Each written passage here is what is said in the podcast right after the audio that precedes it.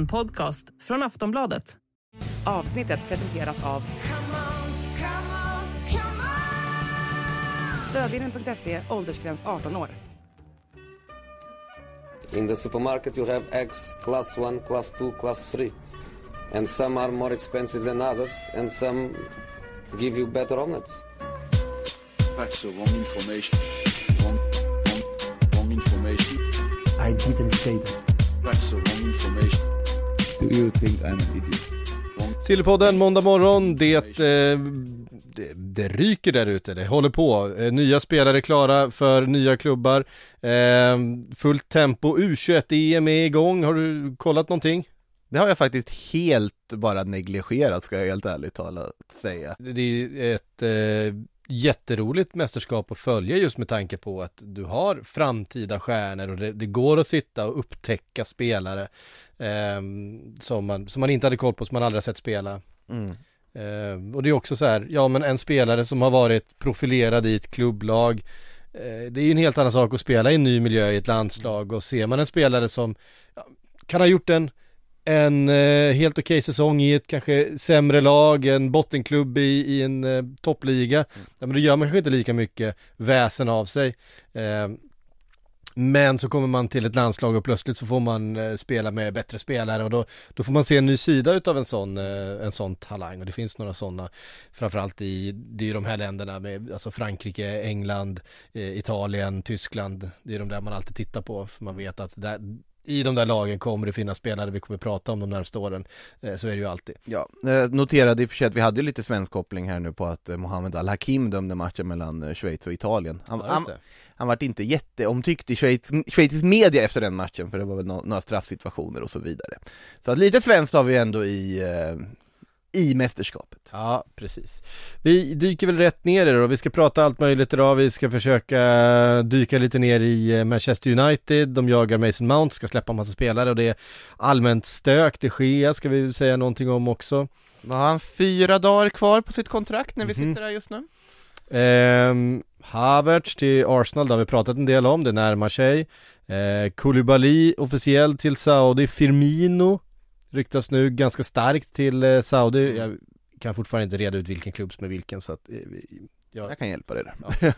Ehm, Brozovic, eh, samma sak, Mm. sägs vara på väg. Eh, vi kommer stanna lite grann i Milan och Inter, de slåss om samma spelare, det var vi inne på förra veckan också, Mm. då var det eh, Lukaku det pratades om. Eh, Vilket då- fortfarande gäller, ska, Mm. verkar det vara i alla fall. Men eh, vi får se vad det, vad det landar i. Eh, Guardiol såklart, verkar Mm. väldigt nära Manchester City, City som vi precis eh, gjorde klart med Kovacic då förra veckan.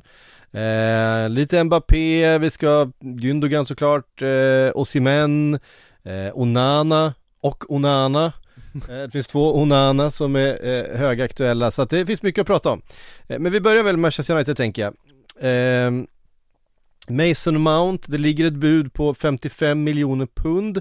Eh, Man verkar inte vara speciellt benägen att gå högre än så. Chelsea vill ha mer. Eh, å andra sidan verkar Mason Mount vara helt ointresserad av att skriva på ett nytt kontrakt. Och då är det ju så att då går han ju gratis nästa sommar. Från vad jag förstår så är det inte någon annan här och nu som är redo att lägga mer pengar än så på Mason Mount. Så frågan är, kommer Chelsea till slut acceptera det här budet? Eller blir han kvar? Ja, de är ju inte långt ifrån varann nu. Alltså för United var väl, vad var det, 50 plus 5 de ville ge.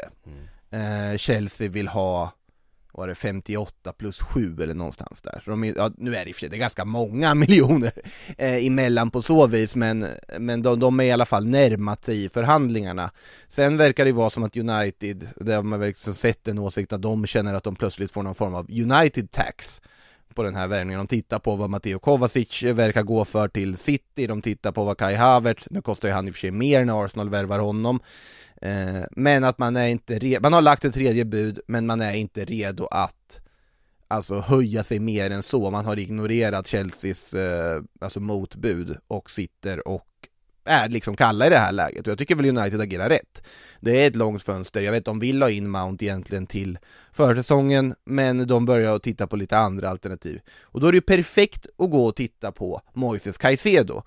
För att om det är någonting som kommer få Chelsea att börja agera, att stressa, så är det ju ifall United skulle gå in och plocka Caicedo. Eh, det skulle i och för sig bli en mycket dyrare affär, men samtidigt en yngre spelare, många fler år kvar på kontrakt och så vidare och så vidare. Men jag tror ju lite att United och Caicedo kopplas nu är för att visa Chelsea att ja, men vi kan gå vidare om vi om ni inte liksom går med på vår värdering. För det är ju Chelsea som sitter i problemet här. De har en spelare som inte vill förlänga, som kommer att lämna gratis om ett år, vilket han har gjort tydligt för klubben. Chelsea vill absolut inte att en spelare ska lämna gratis, framförallt inte då de måste balansera böcker och så vidare. Eh, så att de behöver få in en transfersumma. Jag tror att de här, de kommer hitta någon form av lösning i slutändan, det är jag ganska övertygad om. Eh, men jag tycker väl att United agerar klokt och sansat i det här läget egentligen med att börja titta på lite andra alternativ, åtminstone for show. Mm. Eh, men det är, det är ju mycket som ska hända i Manchester United den närmsta tiden. Eh, man ska byta ägare, kanske framför allt. Om det nu blir så någonsin, men det, det lutar ju mer och mer åt det. Men Glazers, jag vet inte vad det är de, eh, de väntar på. Vad de, vilka kronor det är de ska kunna krama ut mer ur den här affären som de inte redan har fått. Nej alltså det, det är ju jättedåligt för Manchester United så länge de inte har fått någon klarhet i det där. Och det är ju så symboliskt ifall det skulle sluta med att till och med försäljningen av från Glazer skulle liksom ske på ett sätt som gör att United-fansen har anledning att vara irriterade på Glazer-familjen. Jo men så, så är, där är vi ju redan. jo men det har, det, det har ju varit eh, alltså, Och otroligt att det, turbulent. Att, att, att, eh, hur den här försäljningen har skötts kommer gå ut över det här sommarfönstret och kommer gå ut över nästa säsongs prestationer. Ja. Det tror jag också att vi redan är, där är vi redan. För att Mm. eh, hade det här skett före säsongen var slut, hade det skett i våras någon gång, eh, hade eh, Ten Hag haft, haft en trupp, kanske mer klar, med färre frågetecken, med sig in i försäsongen. Eh, så att det ehm, eh, kan, kan vi nog redan eh, slå fast att det här hanterandet har redan gått ut över nästa säsong för Manchester United. Sen får vi se i vilken utsträckning. Eh, det kanske inte behöver bli någon betydande om de löser det här. Ehm, Nej, de har väl inte betydande luckor på samma sätt i truppen som de kanske hade förra sommaren och det är väl det som är skillnaden. Ja, de vill hitta det en... är fortfarande väldigt mycket business som ska göras. Vi tittar på den här listan över spelare de vill bli av med. Mm. Eh, det är ganska svårt att sälja spelare dessutom. Eh, vi har en Jadon Sancho som har ju varit en, en flopp får vi verkligen säga. Han kom med extremt höga förhoppningar, han skulle bli nästa storstjärna. Han var, alltså det, det går att jämföra situationen med Bellingham. Han var ju så bra i Dortmund, han var den nästa stora engelska stjärnan. Eh, I det här gänget då, födda 00 som ju var flera stycken, det var, det var han och det var Phil Foden och, och så vidare. Då var det ju Jadon Sancho som, som var nummer ett, om vi går tillbaka några år. Eh, nu vill man bli av med honom, de har satt en prislapp på 45 miljoner, jag vet inte om de kommer få det. Eh, Anthony Elanga, en annan spelare man försöker bli av med, eh, där har man väl sänkt priset. Eh, Harry Maguire, det är också eh, plus, vad är det, 11-12 spelare de har satt på den här listan. Fred, McTominay, alla möjliga, men det är också lite olika. Vissa vill man ju bli av med väldigt tydligt, typ Antonio Langa. Där finns det uppgifter om att de ska ha halverat prislappen också ner till till och med 10 miljoner pund för att eh, bli av med honom. Det är ju bara att eh, gå in och betala för de tyska klubbarna som man kopplas till. Tänker jag ju Borussia Dortmund, eh, RB Leipzig och så vidare. Eh, I fallet liksom Maguire så vill man nog också bli av med den eh, höga lönen och allt, allt vad det innebär, det kan jag Såklart. förstå. Eh, har ju Jag pratat Jadon Sancho har en, en ganska saftig lön också. Ja, Sanchos fall är det väl snarare om ett bud kommer så är man öppna för att lyssna på det. Lite som Chelsea satt i läget med Kai Havertz. Att Mm. absolut, man kan tänka sig ha kvar den här spelaren nästa säsong, men om det skulle dyka upp intresse för spelaren så är man öppna för att i alla fall förhandla kring det. Eh, det är nog snarare ett sånt läge på Sancho, så där, jag tror väl han kommer bli kvar om inte något eh, anmärkningsvärt inträffar.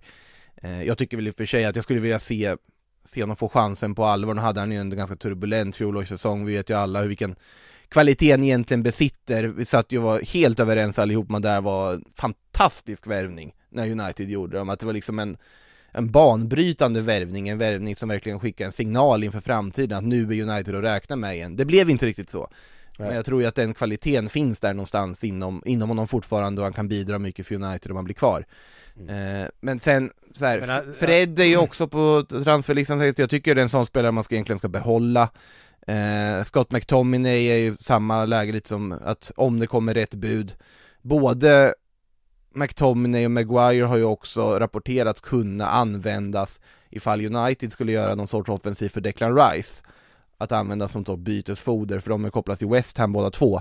Eh, Nu har jag väl svårt att se det hända att United ska vinna den dragkampen eller ens ge sig in i den mot eh, Arsenal och City. Eh, men vi får väl se, det är, det är många spelare de vill bli av med men de mest alarmerande eller liksom akuta situationen ligger ju i målvaktsfrågan där de måste få klarhet. Det ligger i anfallsfrågan där de vill ha en ny nummer nio. Och det finns många olika namn det pratas om, frågan är vilket namn eller vilken hylla de kan handla från där. Eh, och sen att de vill ha en ytterligare inne mittfältare eh, Sabitzer verkar det vara ganska alltså, kallt med nu ifall att de ska köpa loss efter lånet.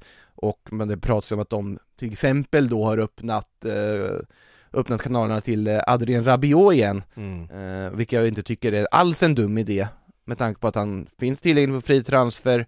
Nu när Casemiro finns i truppen så kan man se mycket tydligare att Rabiot faktiskt skulle kunna göra United till ett bättre lag. Och jag tycker nästan han passar bättre i den rollen som de, som de har tänkt att Mason Mount ska in i.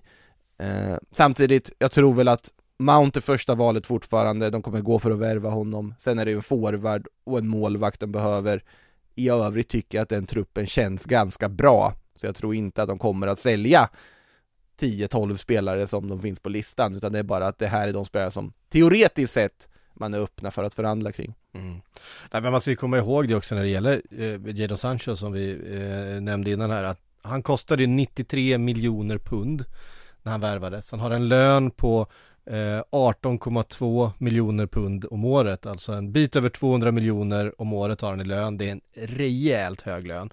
Eh, han kostade över miljarden eh, när de köpte honom. Det här är pengar som de inte har fått tillbaks och som de inte kommer få tillbaks. Det här är en lön som jag tror att de vill ge till någon annan. Eh, Sancho har inte varit en startspelare under eh, Ten Hag heller. Kommer inte vara när säsongen drar igång heller tror jag. Och det, det är inte riktigt ekonomiskt försvarbart att ha den typen av investering sittandes på bänken. Eh, men samtidigt, han kommer inte vilja gå ner i lön. Eh, han har kontrakt fram till eh, 2027, alltså han har eh, då fyra år kvar på sitt kontrakt. Och ehm, ja, det, det kommer bli svårt att hitta en, hitta en klubb där tror jag. Jag tycker så här.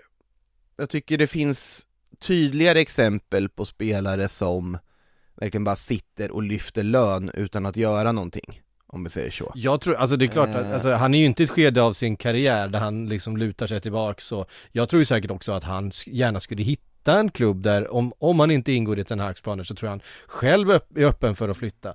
Men jag menar, säg, det har ju pratats om liksom West Ham eh, och, och Tottenham, ingen av dem kan betala den här lönen, alltså Tottenham, vad tjänar Harry Kane? Han tjänar väl mindre än så eh, i Tottenham. Ehm, Var, var skulle han kunna, han skulle behöva halvera sin lön tror jag för att, eh, för att kunna spela för Tottenham och vem vill göra det liksom? Ja, ja hur, hur löser man den här situationen? med att hoppas på att han faktiskt eh, hittar tillbaka till sin kvalitet igen och inte stressa iväg honom. Som sagt, om det nu skulle komma ett anbud, helt rätt att börja förhandla och fundera över det. Om det inte gör det tycker jag inte man ska försöka stressa bort honom på något vis utan det finns fortfarande kvalitet där tror jag. Vi ska komma ihåg vad vi satt och sa om Marcus Rashford inför förra säsongen. Eh, det går att stöta tillbaks och jag, jag hoppas för Jadon Sanchos skull att han gör det. Det har varit väldigt kul att se honom få, få briljera även i, i Premier League som han gjorde i Bundesliga. Och det tror jag att vi förr eller senare kommer kunna få se också, eller jag hoppas i alla fall det. Ehm, ja, vi kan säga här, jag googlar lite snabbt, ja, Harry Kane ligger på 12 miljoner pund per år. Eh, och jag menar, du kan ju inte gå till Tottenham och tjäna mer än Harry Kane. Det, det, det, det, går bara inte om vi tar, pratar Nej. lönestruktur. Och jag tror inte Sancho skulle bli aktuell för Spurs om inte, om alltså Harry Kane är kvar. Nej. Men det är Ja, för det är ju det, är det ryktet som det har varit och alltså, vi vet att Tottenham har varit intresserade av Jadon Sancho men jag tror man kan inte betala eh, en halv miljard för honom och sen ge honom en Harry Kane-lön, vilket, vilket ju är vad, vad det, det skulle kosta liksom, Börjar det inte kännas som att Kane lämnar gratis istället nu? nästa sommar. Mm. Alltså för det börjar bli väldigt, väldigt tyst kring, kring honom. Mm. Eh, Real Madrid är helt ute ur leken, de har ju bara fokus på en sak. Mm. Eh, Bayern München kommer inte betala det som Levi kräver Ja det skulle vara PSG då Möjligtvis För United verkar de inte vilja sälja till, nu tycker jag att United borde pusha för den här eh, Utan tvekan och liksom ligga på. Och jag vet inte använda alla trick som är möjliga för att försöka få honom till Old Trafford för jag tycker att det hade varit den perfekta värvningen för dem. Eh, Men sen är ju frågan, då måste nog Kane agera själv.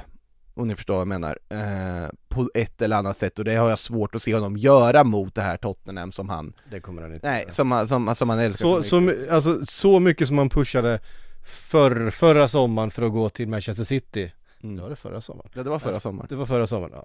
Jag blandar ihop åren. Mer än så kommer han aldrig pusha för en flytt från, eh, från Tottenham. Det tror jag vi kan vara rätt säkra på. Han kommer inte, eh, liksom, men då pushade han ändå ganska Ja, hårt. men då måste, han. då måste han ju pusha på den nivån fast i United för att det ska bli aktuellt nu Mm. Och det har inte han gjort än, så att eh, Men sen det är ju en massa andra anfallsnamn också som figurerar såklart, det finns ju många anfallare på marknaden, någon kommer väl hamna förr eller senare i United eh, Men det säger väl en del nu till exempel Alltså Chelseas agerande tycker jag väl är ganska talande för anfallsmarknaden också, att man väljer att gå på Nico Jackson istället eh, Att det är väldigt dyrt, de här anfallarna som, som alla vill ha på något sätt Ja, och eh, det är väl också grejen med Mason Mount. Vi fick en fråga här på, på Twitter. Eh, vad är det som har skurit sig mellan Chelsea och eh, Mason Mount? Nu tappar jag tyvärr namnet på den som skrev det. Men det är lite intressant för där handlar det om en kontraktsförlängning där Chelsea aktivt försöker sänka sina löner. De försöker införa en annan lönestruktur. Det har ju varit den här, eh, de nya ägarnas eh, främsta ambition. Visst, man har betalat eh, stora övergångssummor men gett väldigt långa kontrakt och inte så höga löner. Man vill inte sitta fast i en massa år med att, att ge en Jadon Sancho till exempel eh, 200 miljoner om året. Och jag tror att Mason Mount har ju velat bli så pass eh, kompenserad så som han har eh, sett framför Som hans roll i truppen Ja, för den rollen i truppen. Eh, han är en, eh, en egen spelare, han är en stor ikon. Eh, han har nog inte helt enkelt fått det erbjudandet som han eh, ville ha. Nej men så, så enkelt är det, om man tittar på spelare som Mudryk och Enzo Fernandes och så vidare, det är ganska låga löner de kommer in på. Och det är för att de vill, precis som du säger, bara omstrukturera hela liksom lönepyramiden i Chelsea och ha yngre lovande spelare på långa kontrakt med, med mer blygsamma löner i sammanhanget. Och absolut, det är kaotiskt mycket av det som händer i Chelsea, men det finns ju i alla fall en röd tråd i vad de försöker göra. Sen kan man absolut ifrågasätta den tråden eh, ganska ofta, men det, väl, börjar bli väldigt tydligt att de har ju en tanke med det de gör. Sen om den tanken är god eller inte, det, det återstår att se. Nej men eh, Mason Mount som ligger då på ungefär 4 miljoner pund per år eh, i lön är ju en, en ganska beskedlig lön ändå eh, för en sån spelare och där kan man ju tänka sig att när han skrev det kontraktet med den förra ägaren, alltså med den förra, i den förra strukturen, då var det nog att, ja men ditt nästa kontrakt då kommer vi dubbla din lön, eller då kommer vi trippla din lön, alltså Ja. eh, något sånt där. Medan Chelsea nu säger, ja vi kan tänka oss att skriva ett nytt kontrakt, men du kommer få samma lön. Ja men det kan han inte gå med på, alltså i, i, i läget liksom med Nej, på och- vad, Och, och där kommer Manchester United och erbjuder förmodligen minst dubbelt så mycket i, i lön mot vad han har nu. Och skulle han gå på free transfer nästa år, ja men då kommer han ju dessutom kunna eh, ro hem en sign-on bonus eh, för att det finns ju klubbar intresserade, så är det ju. här, här blir det också så här lätt att börja peka på, ja men då är det fyra miljoner pund, men det tänker han bara på pengarna liksom Men nej, det har ju också att göra med, alltså lönen visar ju också hur mycket värderar arbetsgivaren det man gör. Och det ska man ha i åtanke alltid tycker jag, att just liksom att lönestruktur jämt emot andra spelare och sånt i gruppen, det, det är ganska viktig del för att visa, visa liksom hur mycket värderar klubben mig som Och vi pratar egentligen alldeles för lite om lönestrukturen vi pratar, vi pratar väldigt mycket övergångssummor. Ja. Lönestrukturen och, och, och lönepaketet är minst lika viktigt i de här förhandlingarna och i, i den här scoutingen som själva övergångssumman är. Eh, Chelsea är ett jättebra exempel, vi stirrar oss Förra sommaren stirrade oss verkligen blinda på de här övergångssummorna. Men sätter vi ihop hela paketet, ja okej, men det, var, det är den här eh, övergångssumman, men då slår vi ut den över åtta år, så har vi en väldigt låg grundlön. Ja men okej, paketet blev inte så stort när vi tittar på det. Eh, All- alla som Er- har- Erling Haaland, ja men det var en jättelåg eh, eh, övergångssumma tyckte jag, men vi, vilken, eh, Mm. vem som helst hade väl kunnat betala den där eh, utköpsklausulen från Dortmund. Jo men titta lönepaketet som, eh, som City Och agentarvoden. klev in med, Mm. och agentarvoden och så vidare. Eh, ja men paketet är ganska stort i slutändan. Eh, det är samma sak när, eh, ja men Bellingham är ju ett jättebra exempel om vi tittar på, ja men det är en hög övergångssumma absolut. Men sen är det ju också en, en, en lön och tillsammans med det paketet som blir med ja, agentarvoden, med hög lön, med ett långt kontrakt, med en hög transferavgift. Det, det, det, det paketet som, som blev för dyrt för Liverpool, de kan betala en, transfer, alltså en övergångssumma som är så hög. Men de kan inte göra det och betala liksom en lön som skulle vara den näst, näst högsta i klubben. Och det är därför som man plötsligt pratar om att Real Madrid har pengarna redo för Kylian Mbappé bara på att de har tappat lite spelare på fri transfer. För att det var spelare som satt på skyhöga löner i truppen som försvinner, det vill säga Benzema och Eden Hazard. Och det, det frigör så mycket kapital så att du plötsligt kan spendera väldigt stora transfersummor på spelare. Men alltså alla, alla som har spelat fotboll manager vet ju hur det funkar, att transfersumman, men det kan man ju förhandla bort på att del, betala den över 48 månader och allt vad det är och lägga in bonusar hit och dit. Lönerna däremot, de är lite svårare att eh, förhandla ner och så vidare så att, eh, ja. Nej det, det är en jätteviktig aspekt i, i sammanhanget, så är det ju. Eh, och det är det också, som också då gör att det är svårt att, att, att bli av med en spelare på ett långt kontrakt med väldigt hög lön. Även om det fortfarande är då en 23-åring som eh, har all potential i världen att faktiskt nå sin, eh, sin kapacitet i då Jadon Sancho, eller Mason Mount för den delen. Han är ju gubevars ett år äldre. det är ju, Ja. det är ju två jätte, jätteintressanta spelare fortfarande och eh, det är klart att Mason Mount sitter och tittar på, eh, på en landslagssamling och så säger jaha, jag tjänar eh, 50 miljoner om året. Och där är Jadon Sancho. Jag spelar ju i mitt lag och jag är liksom så här, ja, han tjänar fyra gånger mer än vad jag gör. Eh, det, det är klart att han tar med sig det in i förhandlingen med, Såklart. med Chelsea. Såklart. Chelsea i sin nuvarande struktur kommer inte erbjuda i, närheten av de lönerna. Eh, ja men då är det klart att han tittar sig omkring liksom. Eh, så fungerar det. Jag, det var- tror, jag tror den kommer bli av. Jag tror till slut att de kommer, men eh, det, Så jag minns ju den här långa förhandlingen med Salah förra säsongen då för Liverpool. Ja men bara skriv på kontraktet, bara skriv på kontraktet, det blir inga. Salah är alltså världens åttonde bäst betalda fotbollsspelare. Men sen, sen, sen i, vissa, liksom- i vissa sammanhang så finns det ju spelare som går utanför sådana lönestrukturer Ja, och, och, och, där- det var ju det de gjorde, men, men det är liksom så här, det, Liverpool är inte ett av de, en av de rikaste klubbarna i Europa om man säger så. Men det, det är fortfarande en Premier League-klubb, Ja, Och ja. det betyder att man har ganska mycket pengar att spendera på så vis, så att det är ju inte liksom, det är ingen fattig klubb. Nej nej, Det- nej men, det- absolut inte, men man ska komma ihåg det, det är liksom för att skriva på det kontraktet och det Salah när han tittade runt i världen och var, ja, om vi tittar de bästa spelarna i världen, vad tjänar de? Ja, jag behöver nog upp på den här nivån för att ni ska, eh, för att jag ska skriva Finns det lite, lite saudiskt intresse där också, på Salah och Det gör det ju, eh, det har det ju gjort för också, eh, men det, det, det pratas en del om att de ska vara intresserade, sen vet jag inte hur, hur intresserad, men det är klart att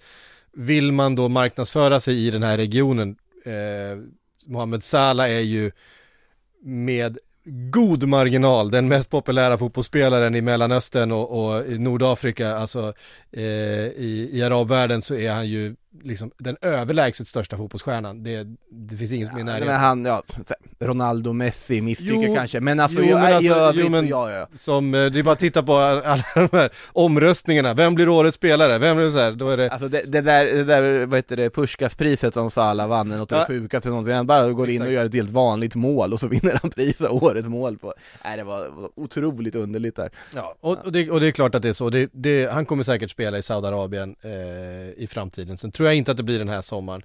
Ehm, men... eh, Känslan är ju att han kommer att flytta dit, förr eller senare ehm, och så vi, ja, det, det, det är ju så klubbarna gör nu. Ja. Mm. Jadon Sancho. här är det någon som kan betala lönen. Jag tänkte, är jag tänkte, jag, tanken slog mig, det är ju där vi är den här sommaren, tanken Ja. slog mig ändå, ja Men om uh, Al Nasser går in där och försöker värva, nej det, Ja, det är deppigt. Det är deppigt. Eh, det är som det Nej, jag, jag, jag vet inte. Vad, vad, vad vill man se Jadon Sancho? Jag vill ju se den här spelaren Jag, som jag vill så se honom blomma ut i United Ja det, det vill man ju det jag vill, ja, det jag vill se jag, jag förstår inte heller riktigt varför Ja, det är klart, han har inte varit så bra helt enkelt. Han har ändå fått chansen eh, en hel del och jag tror att, att jag ser ingen anledning till varför Ten Hags fotboll inte skulle passa honom eller varför miljön skulle vara fel för honom. Jag vet inte varför. Jag tror alltså- Han var inte lyft, men så bra som han var i Dortmund eh, har han ju faktiskt inte varit i närheten av i, i Manchester United. Nej, sen är det ju, det är ju en konkurrenssituation där också på att du har haft en Rashford och Antoni som gått före. Så är det ju på de kanterna också. Ja. Du har Bruno Fernandes som är liksom spindeln i nätet i den offensiva mittfältsrollen. Och så är det ju den här nummer nio positionen. Där jag väl, där vi får se vad de, vad det slutar med. Martial är ju också en av de här spelarna som kan vara tillgänglig om rätt bud kommer eh, stuk Men jag tror inte de vill gå in i nästa säsong med Martial som första forward igen Så att eh, någon måste de ju få in där, frågan är ju bara vem det blir Ja, precis. Nej men där har vi också där har vi också en spelare som de har försökt bli av med tidigare där de har haft svårt att hitta en köpare och någon som är beredd att betala Martials lön. Eh, Ja fast han har ju ändå liksom fått, alltså nu, renässans kanske man inte ska dra det så långt som att säga det han gjorde förra säsongen Men han har ju ändå spelat sig tillbaka in i planerna, det är ju det där är också en sån här spelare som Han har ju väldigt mycket kvaliteter och Ja, kan gud, vara ja. väldigt bra på, på så vis Jag tyckte framförallt under kanske de första säsongerna där men, men eh, eh, när han verkligen var i form för Manchester United då var han ju en av ligans liksom bästa spelare en mot en. Det kändes som att han kunde gå förbi vilken back som helst. Eh, lite sämre i boxen kanske men han öppnade ju verkligen upp planen med sin teknik och sin speed. Eh, sen så har han ju verkligen gått upp och ner i form under eh, sin tid i Manchester United. Men, men potentialen och, och höjden finns ju där. Gå, gå fort också, den tiden, vad var det han betalade? 40 någonting för honom? Och det var ju liksom hutlöst på den tiden, det var ju liksom ett sånt otroligt överpris känner man För eh, den här supertalangen som de hade hittat Eh, Sen blev det inte, ja som sagt jag skulle inte kalla honom floppvärvning totalt sett, det tycker jag är för långt att säga Men eh, han har väl kanske inte nått de här extremt höga höjderna som man trodde Nej.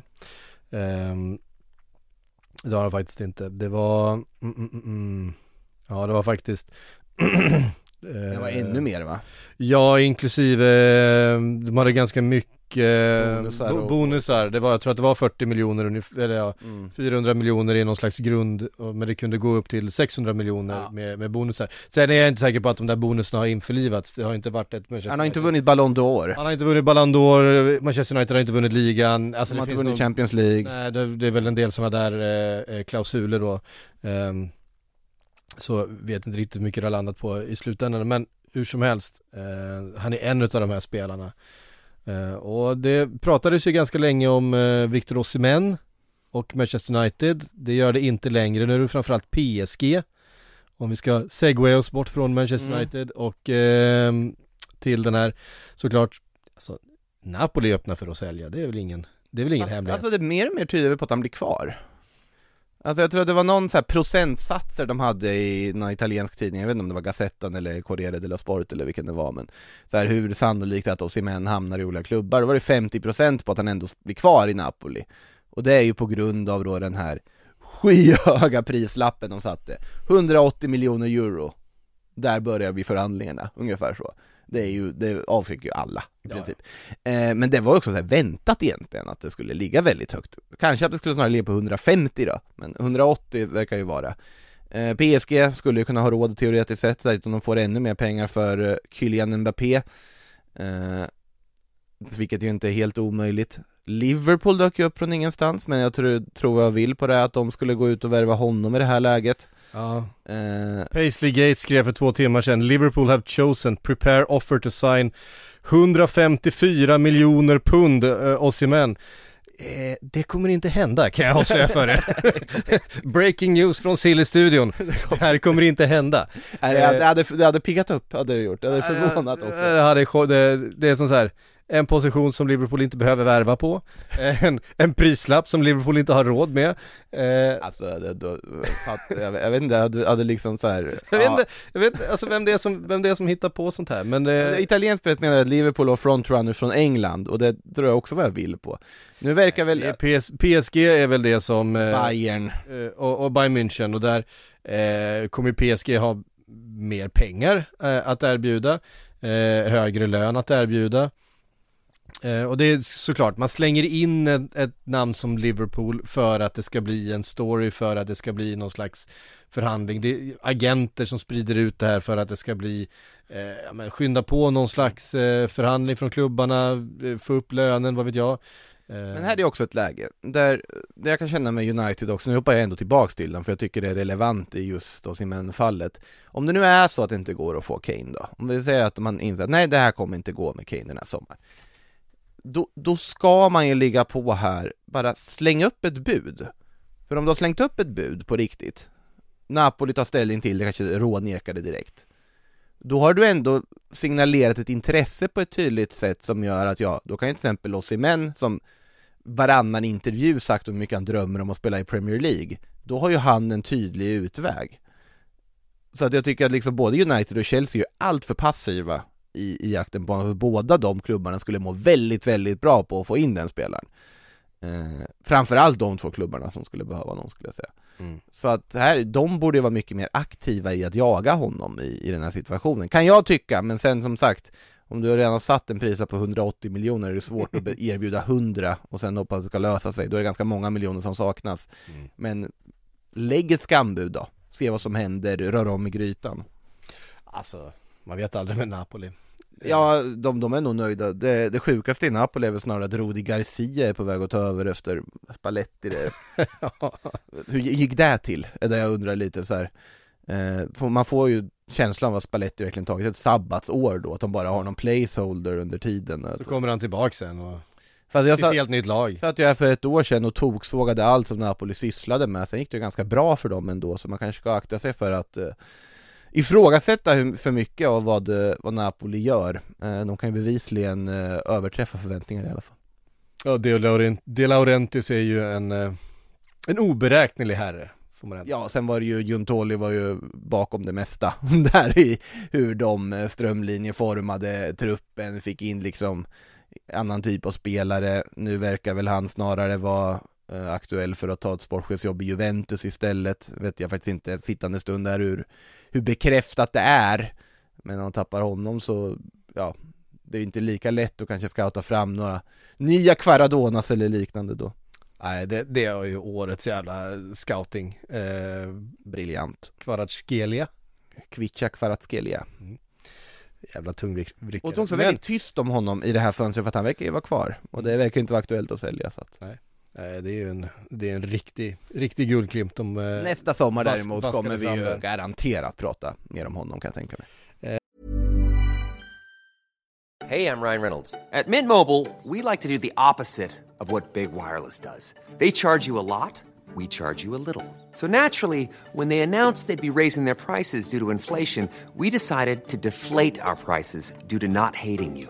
That's right. We're cutting the price of Mint Unlimited from $30 a month to just $15 a month. Give it a try at mintmobile.com slash switch. $45 upfront for three months plus taxes and fees. Promo rate for new customers for limited time. Unlimited more than 40 gigabytes per month. Slows. Full terms at mintmobile.com. Eh, Liverpool dock, eh, det är inte det enda ryktet när det gäller Serie A. Eh, ett rykte som känns lite osannolikt men som faktiskt vägrar dö och det är det om Nicolo Barella. Eh, nu kom det uppgifter igår här om att Liverpool ska förbereda ett bud på 68 miljoner pund, vad det är nu är ungefär 80 miljoner euro då, eh, för Nicolo Barella. Där tror jag att, jag, jag kan se Inter kommer In- inte ens öppna det mejlet Nej, alltså jag, jag, jag, kan se, jag kan se Liverpool betala den övergångssumman för en sån spelare om man hittar ett bra eh, liksom lönepaket och så vidare. Men jag kan inte se Barella lämna Inter. Eh, Alltså anledningen till att Sandro Tonali ska spela i Newcastle nästa säsong är ju för att Newcastle fick total nobb när de försökte gå för Barella. Mm. Sen är ju problemet för Liverpools del kanske att Tonali-priset har ju satt någon form av prejudikat för vad minst Inter kan kräva. Eh, Och sen, sen är ju skillnaden också Inter är inte intresserade av att sälja Barella, han är, han är en av de här spelarna de absolut inte vill släppa, då vill de liksom sälja av spelare på andra positioner, typ Andre Onana eh, Barella är, men samtidigt, det kan ju läggas bud som inte går att tacka nej till i deras ekonomiska situation, så är det eh, Men Barella verkar inte vara ett dugg intresserad. Men med det sagt, Sandro Tonali verkar inte heller ha varit intresserad av att lämna Milan. Utan där finns det ju uppgifter om att han ska ha tvingats bort. Att Milan sa vi, vi måste tacka ja till det här budet mer eller mindre, det här är för bra pengar. Och Tonali ska väl med tårar i ögonen bestämt, liksom fått Kommer gå kanon lämna. ju såklart, det är, precis, det är precis den spelaren man vill ha. Nej men han kommer, han, det är en fantastisk värvning för Ja, Newcastle såklart och han kommer vara, men han ville egentligen inte lämna Milan med att det här budet var för bra för att tacka nej till i slutändan. Och det, det kan jag på något sätt förstå för det är en väldigt bra övergångssumma de får för honom Men Barella, minst samma summa för att eh, få honom, för jag tycker Barella är en bättre spelare till att börja med. Eh, Så att, eh, jag håller också Nicolo Barella extremt högt, ska sägas. Alltså, skulle Barella dyka upp i Liverpool då, då, då förlåter jag hela Bellingham-härvan för att då, då, då kommer jag vara så lycklig. Ja, ja, ja, alltså, ja, ja, alltså nej, det är helt perfekt spelare för Liverpool så jag tycker absolut att det är en spelare värd att gå för eh, Hellre pusha på det där och eh, försöka lösa någonting där ifall det går. De måste ju ha fått någon indikation då på att kanske ändå är möjligt. Så att jag, jag Alltså, utesluter inte den ändå. Det skrivs mycket om det i alla fall, alltså jag har, jag har, svårt, Ja. jag har svårt att se det hända och det skrivs mycket om mycket. Men, eh, men av någon anledning så, så verkar det finnas någon slags eh, reellt Mm. intresse och de kanske gör ett försök eh, Alltså de ska göra ett försök, alltså Liverpool är helt rätt, det är inget snacka, snack om saken, de ska försöka. Eh, en annan italienare som det har pratats mycket om till Liverpool, men där tror jag att Liverpool används som ett sätt att eh, få upp lite lön och intresse. Det är eh, Federico Chiesa från eh, Juventus. Eh, men där tror jag att det finns... Ja, en till ytter Nej, det, det är ju det som är grejen. Det, vi bör, det finns ju... Ska, ja men där på vänsterkanten, där kan det behövas lite.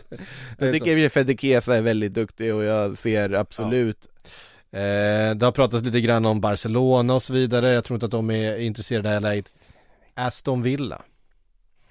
Aston Villa är... Eh, Har det pratat om Aston Villa har- eller slänger du in Aston Villa? Nej nej nej nej, det har ju pratats om Ja Aston precis, Villa. Eh, och de, de, pratar om de Dusan är, Vlahovic och Aston Villa också mm. Och Aston Villa är ambitiösa, det vet vi. De har en, eh, de, har, de har cash. Och de har tränaren och de har ambitionen. Jag kan se dem gå för Chiesa. Jag kan också se eh, spela i Birmingham eh, nästa säsong och det hade varit väldigt spännande. Newcastle Har inte sett så mycket Newcastle Nej men faktiskt, de om borde. De borde vara där Kan jag tycka. Ja, kanske. eh, Ehm, jag bör, du börjar fundera på vad har de på för yttrar? Ja, och Vi spelat Isak på kanten Ja, det sant. och så vidare och det finns ju såklart Almiron, eh, Saint Maximin. Finns ju spelare såklart.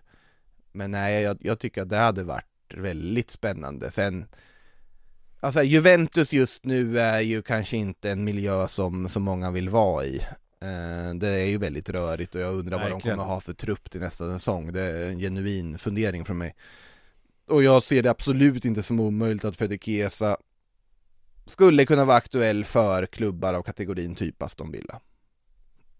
ja.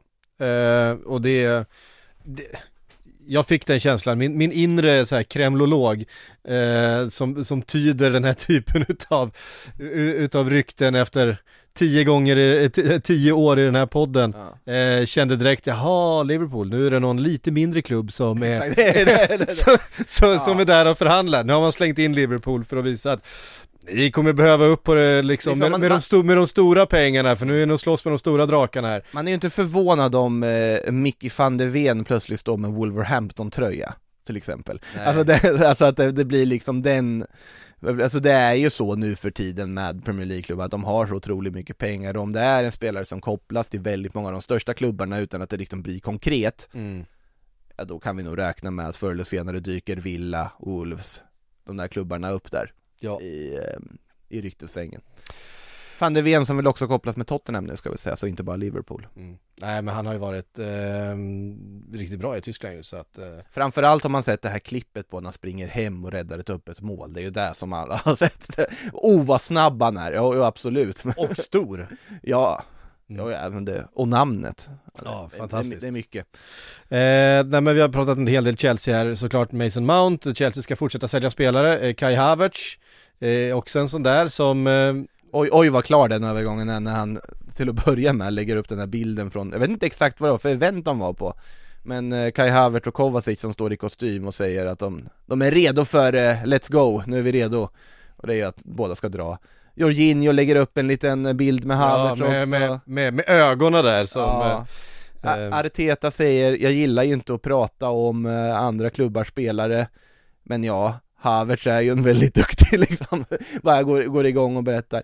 Men det intressanta är väl att det är mer och mer som tyder på att faktiskt tanken är det som vi touchade lite i förra avsnittet, att de faktiskt ska ha någon som ersätter Granit Xhaka Ja, och det, eh, och det jag, är, jag kan väl bara referera till det man sa senast, att då blir jag ju lite mer förvirrad ja men vi fick ett, eh, vi fick en reaktion på det nu för bara en liten stund Ah. sedan här som jag bara eh, vill kasta in här från Jonas Fransson.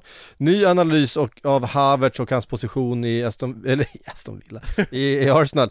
F- fick uppfattningen att ni inte uppfattat vilken position Xhaka haft den här säsongen. Han har alltså spelat som offensiv åtta.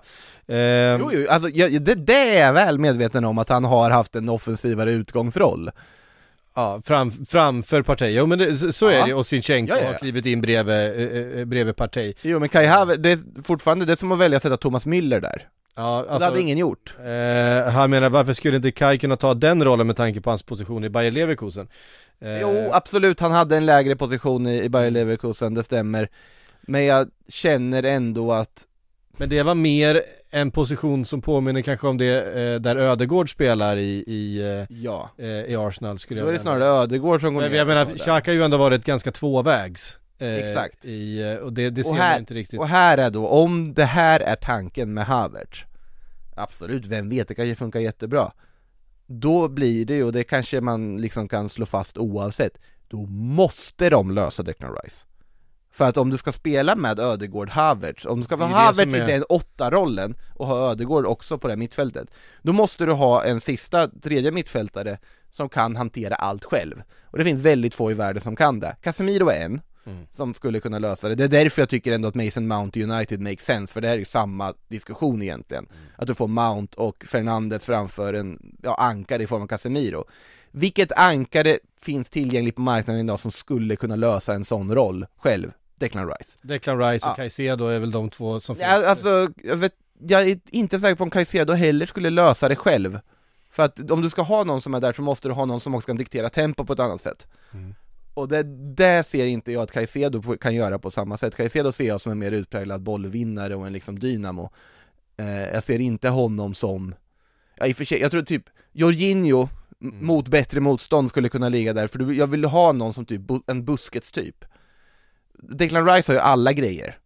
Ja. Så att han, de måste lösa Declan Rice om de, ja de måste göra, om de har tänkt att spela så här. Om de har tänkt att använda Havertz där, då måste de lösa Declan Rice. Ah, det, är på, det är på så, på det så räcker många inte sätt med att ta Caicedo där då. Men på så många sätt måste Arsenal lösa Declan Rice Det- Jag vet att vissa inte håller med om det här kanske, men alltså, att Rice ska in håller väl de flesta med om, att just att Caicedo inte skulle lösa den rollen, men jag, jag är ganska övertygad om att de måste ha en sån. Declan Rice som ryktas eh, mer och mer till Manchester City, eh, inte minst med tanke på att Gündogan nu är klar för Barcelona. Ehm, bara, Ja, officiellt presenterad, mm. eh, så det är ju det är en bra värvning för dem. Det intressanta i Barcelona-fallet där, om vi tar det, är ju att det pratas fortfarande mycket om vem ska ersätta Sergio Busquets. Mm. Eh, De ville ju ha Marcelo Brozovic, Mm. men Brozovic eh, verkar ju ta cashen och dra till Al Nasser för att spela med Cristiano Ronaldo.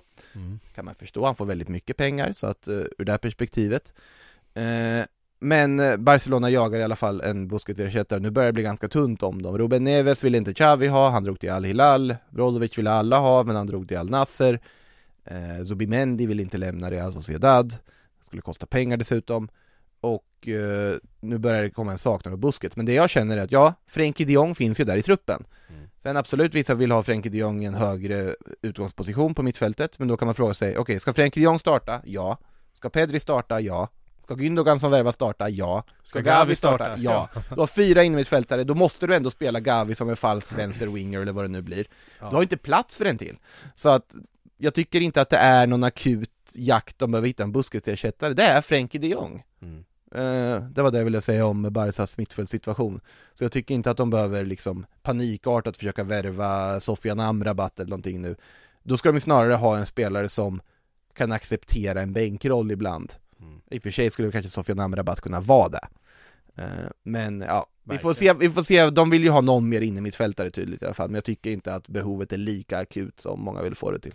Men Gündogan, fantastisk värvning. Vem skulle du säga är den främsta om man skulle sätta någon som en nummer 10 utav Gavi och Pedri? Det är ju Pedri i sådana fall som har mer de egenskaperna. Pedri kan ju det mesta, så ja det skulle jag säga, men jag tror du förlorar mycket i uppbyggnadsfasen och flytta upp honom för långt. Ja. Eh, Gavi är ju mer, alltså så här, lite överallt, Mm. typ. Eh, Han är lite mer ett pannben. Han är ett pannben, eh, ett tonårigt pannben som Mhm. springer omkring, det är precis vad han är. Eh, blir väldigt spännande att se hans utveckling också, vad, vad det blir av honom. Pedri är ju den som är på något sätt, alltså har briljansen som för väldigt få besitter, en helt fantastisk fotbollsspelare. Ja, alltså minns när han ja, jag gjorde sin tredje landskamp eller något sånt där i, i eh, var det EM då för, för tre år sedan? Den här säsongen har spelat typ 100 matcher för han bestämde sig för att åka på OS också. Aha. Så blev han skadad och utsliten i ett halvår, Ja. eh, förklarliga skäl. Någon Han, var, han kom in där 18 år gammal och hade 100% passing accuracy som offensiv mittfältare. Han spelade bara på de minsta ytorna. Ja, man bara satt och gapade över hur, hur han helt hanterade helt otrolig spelare. eh, Det det är väl egentligen Gündogan eller Frenkie då? I 10-roll. Om man, ska, om man ska vara sådana som har kanske mer målsinnet än vad de två andra har. Eh, så att, Men då kanske en Amrabat som ska in då, om vi säger att vi ställer upp en 4-2-3-1 med, eh, med eh, Frankie och eh, Amrabat och sen har du Gündogan, Gavi och Pedri framför. Gündogan, Gavi, Pedri, alltså i trean då. Ja, och precis. då Lewandowski själv som får älga runt. Ja. Ingen Osman Dembélé, ingen Rafinha från start. Nej. Nej. Nej, Ja, nej det var inte, nej, jag, det- jag försökte bara få in, Ja. försökte, försökte bara få in eh, spelare på olika Nej, fem mittfältare kan du inte få in, men absolut, de ska spela på alla fronter och det har ju varit misslyckat för Barca hittills att de inte har kunnat hantera Europaspelet. Så att ur det här perspektivet behöver de någon mer, kan jag säga. Ja, och då är det typ Amrabat eh, rimliga då, som kan acceptera en bänkroll. Om det var aktuellt och inte han redan var, hade kontrakt i en annan klubb, så hade ju faktiskt Jorginho inte varit dum. Han har ju sina De hade accepterat en bänkroll och hade kunnat också sätta sina passningar, dikterar tempo i matcher där man då kanske inte spelar Frenkie som eh, i Busquets-rollen. Det är Bara en tanke. Sant. Nu är ju inte han aktuell då, men ändå. Ehm, eh, tillbaks till Arsenal tänkte jag. nu, nu far vi överallt här.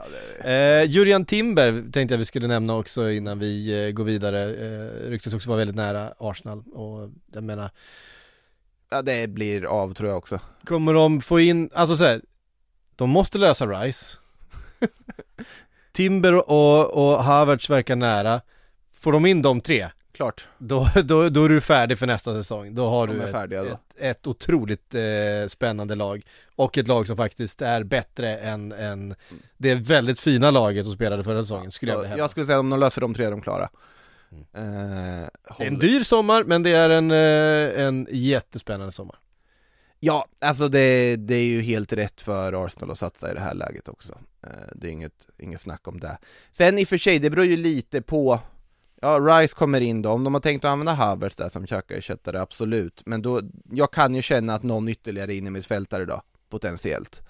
Att det där skulle kunna vara där de ska, borde gå för resten av fönstret, om det så är typ så här öppna Douglas Lewis-dörren igen, eller om det är att, eh, ja, kanske gå för en viss Onana i Everton, som jag tycker är väldigt spännande och intressant. Det kan vi, Vi, vi kommer in på honom sen. ja, vi, Eh, kan väl, vi, vi, kan, vi kan väl ta den nu då? Ska vi ta Onana direkt? Ja. Innan, innan Arsenal-analysen är färdig? Ska vi ta Timber först? Ja men ta Timber. Ja, det- Men vi har pratat så mycket Timber, jag tänkte vi bara skulle Har nämna vi det. pratat så mycket Timber? Jo men vi fan, höll vi inte på och härja om Jurian Timber och Där vi kan eh, se- ja, högerback där- och där- mittback Jo, och... absolut, de delarna, men där vi kan alla fall slå fast här nu för de som kanske inte läser eh, Silly-blogg eller följer, Mm. följer surret där ute är väl att det kom ju under söndagskvällen var det ju Mike Fervey då, eh, The Telegraph, eh, så trovärdig det kan bli i nederländska sammanhang De sa att de är muntligt överens om kontrakt, femårskontrakt till eh, 2028 Eh, Lönen var låg på typ 8 miljoner euro per år någonting. Bra Premier League-lön. Ja. Eh, de närmar sig värderingarna, de ska ha lagt ett andra bud här och hoppas ha klart det i veckan. Och eh, mesta tyder väl på att han blir Arsenals andra värvning den här sommaren. Det var det jag skulle säga egentligen, och ja, bra värvning, 22-åring, kopplades till United förra året eh, Så det, det blir bra. Nu kan vi prata om Onana. Nu kan vi prata om Onana. eh, för att eh, det som ryktas nu då är att eh, West Ham vill köpa loss eh, Amadou An- Onana, belgaren från eh, Everton som ju är en smula oslipad. Får man ändå säga, men har en, en väldigt, väldigt spännande nivå i sig. Jag skulle säga att han är ett av väldigt få positiva, alltså liksom utropstecken från Evertons fjolårssäsong. Kändes som en väldigt bra värvning när de gjorde den och han tycker han har visat att han är extremt spännande spelare. Och jag har vä- West Ham gör helt rätt i att titta på honom. Ja det är som ersättare för Rice då, eh, Mm. helt enkelt. Och det, ja, men det, det känns ju spännande. Det känns som en, en spelare, eh, vad är han, 21 år gammal.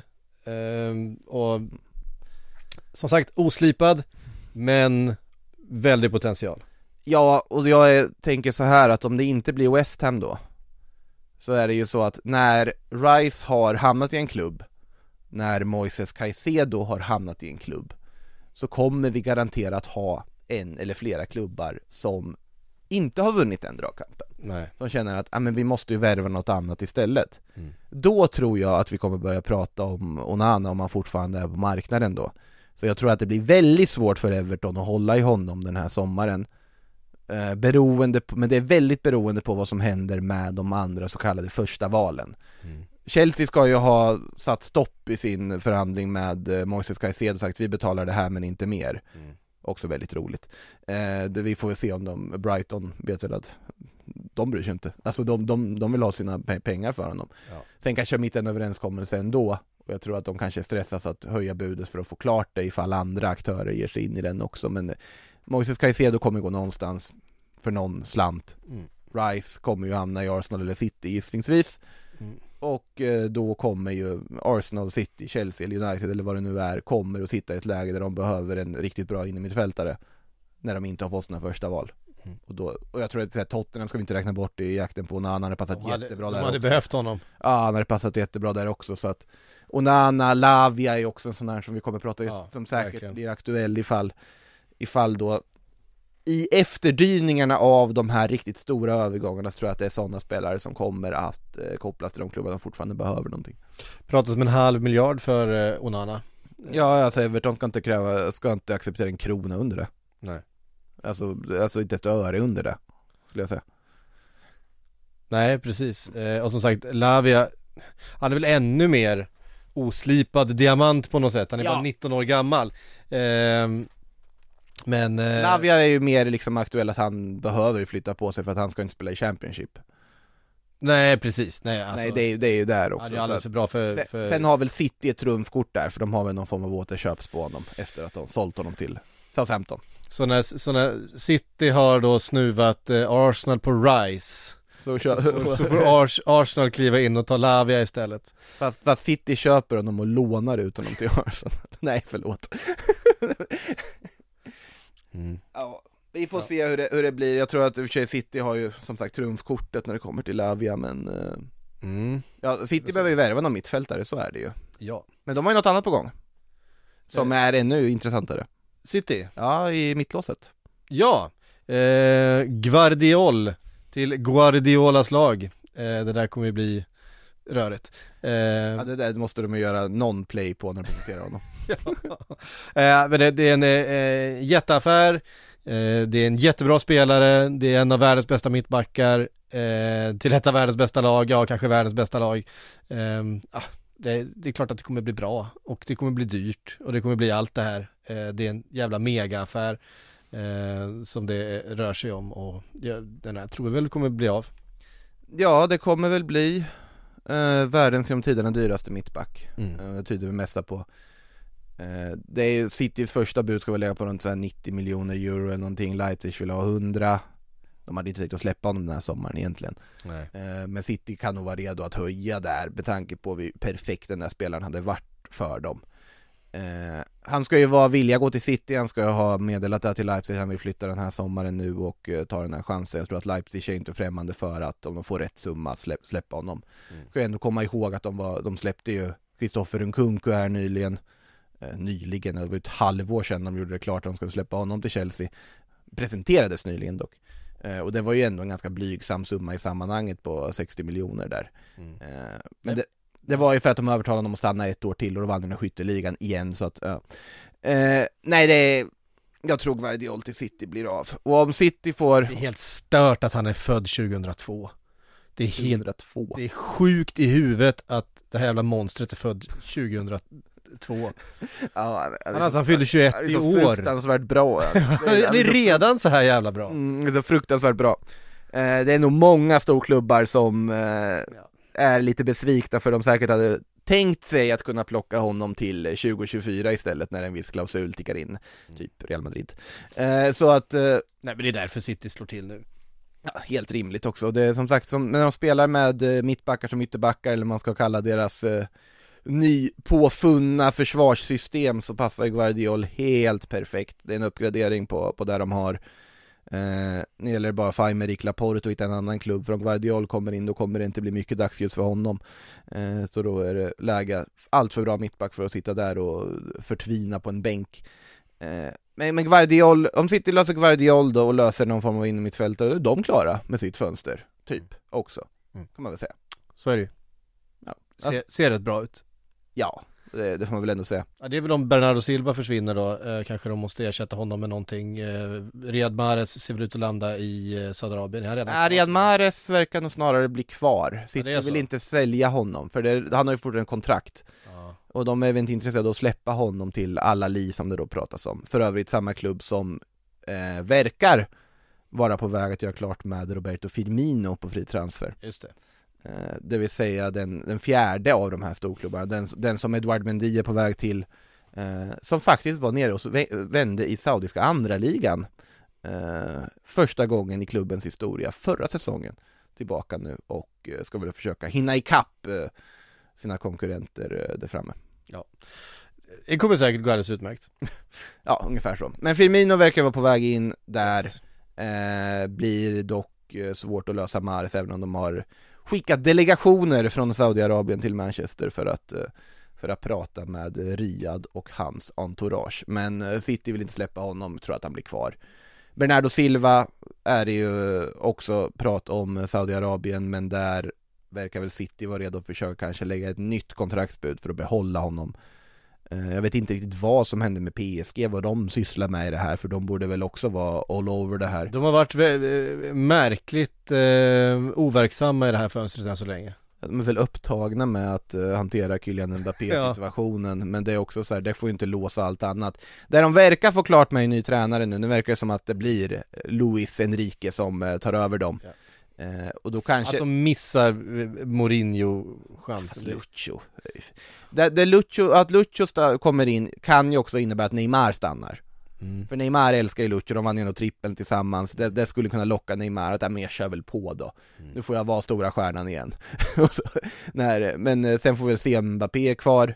Vi kan väl dra en kort update, det är ju inget nytt på fronten där kan man väl säga. Eh, Jose Lu har ju kommit in i Real Madrid och presenterat, han fick ju nummer 14 på ryggen, så nummer 9 är ju ledig. Eh, och frågan är, kommer den vara ledig till 2024 eller kommer den vara ledig bara i någon månad till? Eh, pratas ju om att PSG ska ha satt en prislapp på typ så här 250 miljoner euro, Real Madrid är inte intresserade av att betala så mycket. Eh, vi får se vart de hamnar. Men jag tror att Real Madrid kommer ju sitta lugnt i båten och om det blir något den här sommaren då blir det sent den här sommaren. Eh, Så att jag tror att det kommer vara en, en waiting game. Och Real Madrid har ingenting annat på gång än Mbappé 2023 eller 2024. Om det inte blir Mbappé så kommer den truppen vara klar till nästa säsong. Och då är det Joselu som anfallare, eh, Bellingham, det är eh, Fran Garcia som ny vänsterback och det är Brahim Diaz som ersättare till Marco Asensio. Fyra ut, fyra in. Två plus vänster. Ehm, Ja, det är ju Bellingham som lyfter, ja, Be- Be- annars är det ju Bellingham är ju- Alltså man byter ju ändå ut Benzema, Hazard och Asensio mot Joselu och Brahim Diaz. Det är, ju- alltså, Så att, ja, Det är ganska roligt. är Eh, innan vi tar lite frågor så måste vi ner till Milano därför att eh, Milan och Inter eh, konkurrerar om samma spelare. Vi pratade om eh, eh, Thuram, eh, Marcus Thuram, då storebrorsan, eh, till Milan förra Nej, vi Veckan- pratade om Lukaku till Milan förra veckan Var det Lukaku till Milan? Ja. Jo men var det inte Marcus Thuram också? Marcus Thuram var på väg till Milan, jo det kanske vi Jo, nämnde då ja jag tror det. Ja, Det var båda de två. Eh, Precis. nu kanske båda två hamnar i Inter istället. ja Marcus Thuram är ju den vändningen, för han, Milan ledde ju den jakten ganska länge här och det var mycket snack, och han, han har ju varit tillgänglig på fri transfer eh, Men nu är han ju, uppges ju helt klar och valt Inter. Tackar nej till PSG, Leipzig, Milan och så vidare. Eh, När vi pratar lönen då så verkar man väl få mellan 6 till 6,5 miljoner euro per år netto. Eh, Ska sägas, Serie A-mått mätt, ganska högt eh, Får han. Eh, Men det är ju en, är en jättebra värvning för Inter, det är ju en, det är en superspelare de får in och det är en perfekt ersättning till Edin Dzeko som eh, har lämnat klubben och presenterats för Fenerbahce. Eh, så att eh, Dzeko som jag tycker ändå faktiskt har levererat när han fått spela, jag tycker han har visat tendenser på att han fortfarande höll liksom Men det här är en uppgradering, du får ju en spelare som är, en, är reslig som Dzeko Men också har så mycket andra strängar på sin lyra och kommer kunna funka med väldigt bra komplement till eh, Lautaro på topp tror jag. Så att eh, jättebra värvning för Inter. Men det intressanta är då Lukaku ska ju snarare nu inte känna att de kan potentiellt då köpa loss eller om det blir ett lån med köpoption, att de är lite nyfikna på det. Men för att genomföra det så skulle de då behöva skeppa Andre Onana, målvakten, som de tänker att de kan få en transfersumma för, pratar om Manchester United. United vill samtidigt inte betala för mycket pengar på en målvakt, vi får se om de hittar någon form av konsensus där. Ja vi, vi har ju inte nämnt de Gea men nu verkar det som att man öppnar för en, alltså det är fyra dagar kvar på det där kontraktet. Eh, men att man ändå har nått lite längre fram i förhandlingen med eh, David de Gea, att det kanske blir en, ett nytt kontrakt. Att de kör vidare på det sker nästa säsong då. Ja, eventuellt då som en utav två. Eh, Och då kommer de inte lägga så mycket pengar som Inter vill ha för Onana Och där är det snarare, då kanske det är Chelsea då mm. i sånt fall Men att de är intresserade av att sälja honom för de ser att det här är en skicklig målvakt vi kan få pengar för Och de ser också möjligheten att potentiellt typ ersätta honom med Hugo Lloris på fri transfer eller något sånt där Eller, ja Edouard Mendy ska ju till Saudiarabien ja, men eh, Ja. Alltså de tar en billigare målvaktslösning och eh, istället sparar in pengar på så vis så att de kan investera dem i Lukaku. Jag vet inte vad jag tycker riktigt om det. Bara kanske gå vidare från Lukaku nu när de har värvat Marcus Thuram, kan jag väl känna lite. Ja. Och Milan har ju desto bättre ställt på att kunna köpa, de har ju mer liksom slagkraft på att faktiskt kunna använda transfersummor på marknaden. Eh, men samtidigt, Milan har också haft inställningen att allt som rör sig i truppen är till salu för rätt pris. Men de får ju väldigt mycket pengar från att sälja Tonali som de kan återinvestera i truppen. Det gäller att de inte eh, deketelärar bort dem, om vi säger så, som de gjorde förra sommaren, utan att man kanske går på beprövade, beprövad kvalitet som de får in. De behöver ju framförallt nu en innermittfältare då. Eh, vi får se vem, vem det kan bli. Pratar lite om Arda Güler, bland annat, eh, från Fenerbahce. Mm. Supertalangen som kopplas till alla toppklubbar just nu. Tonåring va? Ja, eh, helt briljant tonåring som eh, jag tror hade kunnat må bra av en, Milan hade varit ett ganska bra steg för honom skulle jag säga. Ja det känns spännande. Eh, vi tar väl och kastar in lite frågor då. Eh, vi har Ja. fått jättemycket frågor. Eh, Ricky Blomqvist skrev alldeles precis här. Vad händer med Hazard? Är ryktena sanna att han funderar på att lägga skorna på hyllan? Ja, det, Han har väl inte, han har väl inte varit intresserad av fotboll på jättelänge? sa inte han det i någon intervju nu att liksom, jag har ju bara tagit det lugnt de senaste åren. Vi ser det Eden. du har fuskat på löpbandet. Eh, nej, han ser ointresserad ut av att eh, göra så mycket mer av den här karriären. Eh, han, Ja, alltså- han, har, han har så väldigt långt tillbaks till den formen eh, som skulle krävas. Då Jag- pratar jag jag, inte inte fysiskt bara han- utan det är ja. mentalt. Alltså, han har inte den hungern, han har inte den, eh, det, det suget efter. Eh, jag, tror- tror att han vill göra det som krävs, så det krävs Mm. otroligt mycket för att, för att spela fotboll på den nivån som han gjorde. Mm. Eh, Och rätta mig om jag har fel, så tror jag inte att han heller känner det här att ja men nu åker jag till Gulfen eller till Staterna och cashar in. nej. Utan han vill bara ha någon form av, han vill göra vad han vill. Jag tror att han kanske känner sig ganska nöjd. Jag tror att det gör, Vi Men kanske man har kan- fel, man kan- jag, kanske, jag kanske, kanske har alldeles fel, men det är i alla fall den, den ja, uppfattningen jag, man har jag kan också ha mycket väl fel, han kanske presenteras i en Alitia-tröja imorgon. Ja. Men jag tror snarare, för hans del det är alltid svårt, men jag, jag kan tänka mig, även om det inte har framstått så, att han är fruktansvärt besviken, ledsen över att det blev som det blev i Real Madrid. Mm. För jag tror att Real Madrid var hans stora dröm, annars skulle han inte hållit fast vid den så länge som han gjorde. Eh, och jag tror att det fanns, det, det säger ju en del, varje liksom säsongsavslutning så gick ju han ut och tog micken framför fansen och sa nästa år, sorry för hittills, men nästa år kommer jag leverera och det har han ju inte motsvarat en enda gång, det har bara blivit värre för varje år. Men jag tror att det finns en sorg hos honom att det, inte, att det blev som det blev i Real Madrid och jag vet inte om han kommer förbi den överhuvudtaget. Alltså att, jag tror nog att, jag är inte förvånad om han ställer skorna på hyllan. Nej det, det är inte jag heller, men det är den, det, det är den uppfattning man har fått Mm. eh, så här långt. Det har inte kommit några som helst rykten eh, om, Alltså lite anbud hit och dit, men nej jag tror inte att det blir aktuellt med något. jag har inte sett någonting som jag uppfattat som, som Nej. trovärdigt. Eh, man ska riktigt ärlig. Vi har glömt nämna Gyökeres. Eh, För att ta en liten Gyökeres. Det är fortfarande, han pushar ju för den här övergången till eh, Sporting. Eh, Coventry vill ju ha mycket pengar för honom. Eh, alternativt, de kan ju också tänka sig att behålla honom en säsong till. Han har ett år kvar på kontraktet. Ehm, Ja. Jag tror inte Sporting vill betala allt för mycket för en eh, spelare för, med bara ett år kvar på kontraktet. Vi, alltså, Sportings hela modell är att köpa billigt, sälja dyrt. Um, å andra sidan så betalar man ju ofta ganska bra övergångssummor Mm. men man scoutar så pass bra att man får ändå dubbelt så mycket för dem eh, i nästa steg. Ehm, Jag tror, alltså, jag tror väl att Gyökeres kommer hitta en klubb förr eller senare. Eh, men, Han pushar ju själv för den här flytten till Sporting om man ska tro portugisisk media. mm, precis. Nej, ja, men det, det är ju det som känns mest naturligt just nu också på något sätt. Det verkar väl bli det just nu snarare än att välja och vraka bland alla de här panikslagna Premier League-klubbarna som behöver en ny forward. Eh, Sheffield United som ju eh, faktiskt tittar på Traoré från, eh, från BK Häcken just nu. Eh, Benny. Det var, tror det var Fotbollskanalens uppgifter. Ja, Eh, har ju, Häcken har då tackat nej till bud från Glasgow Rangers och Celtic.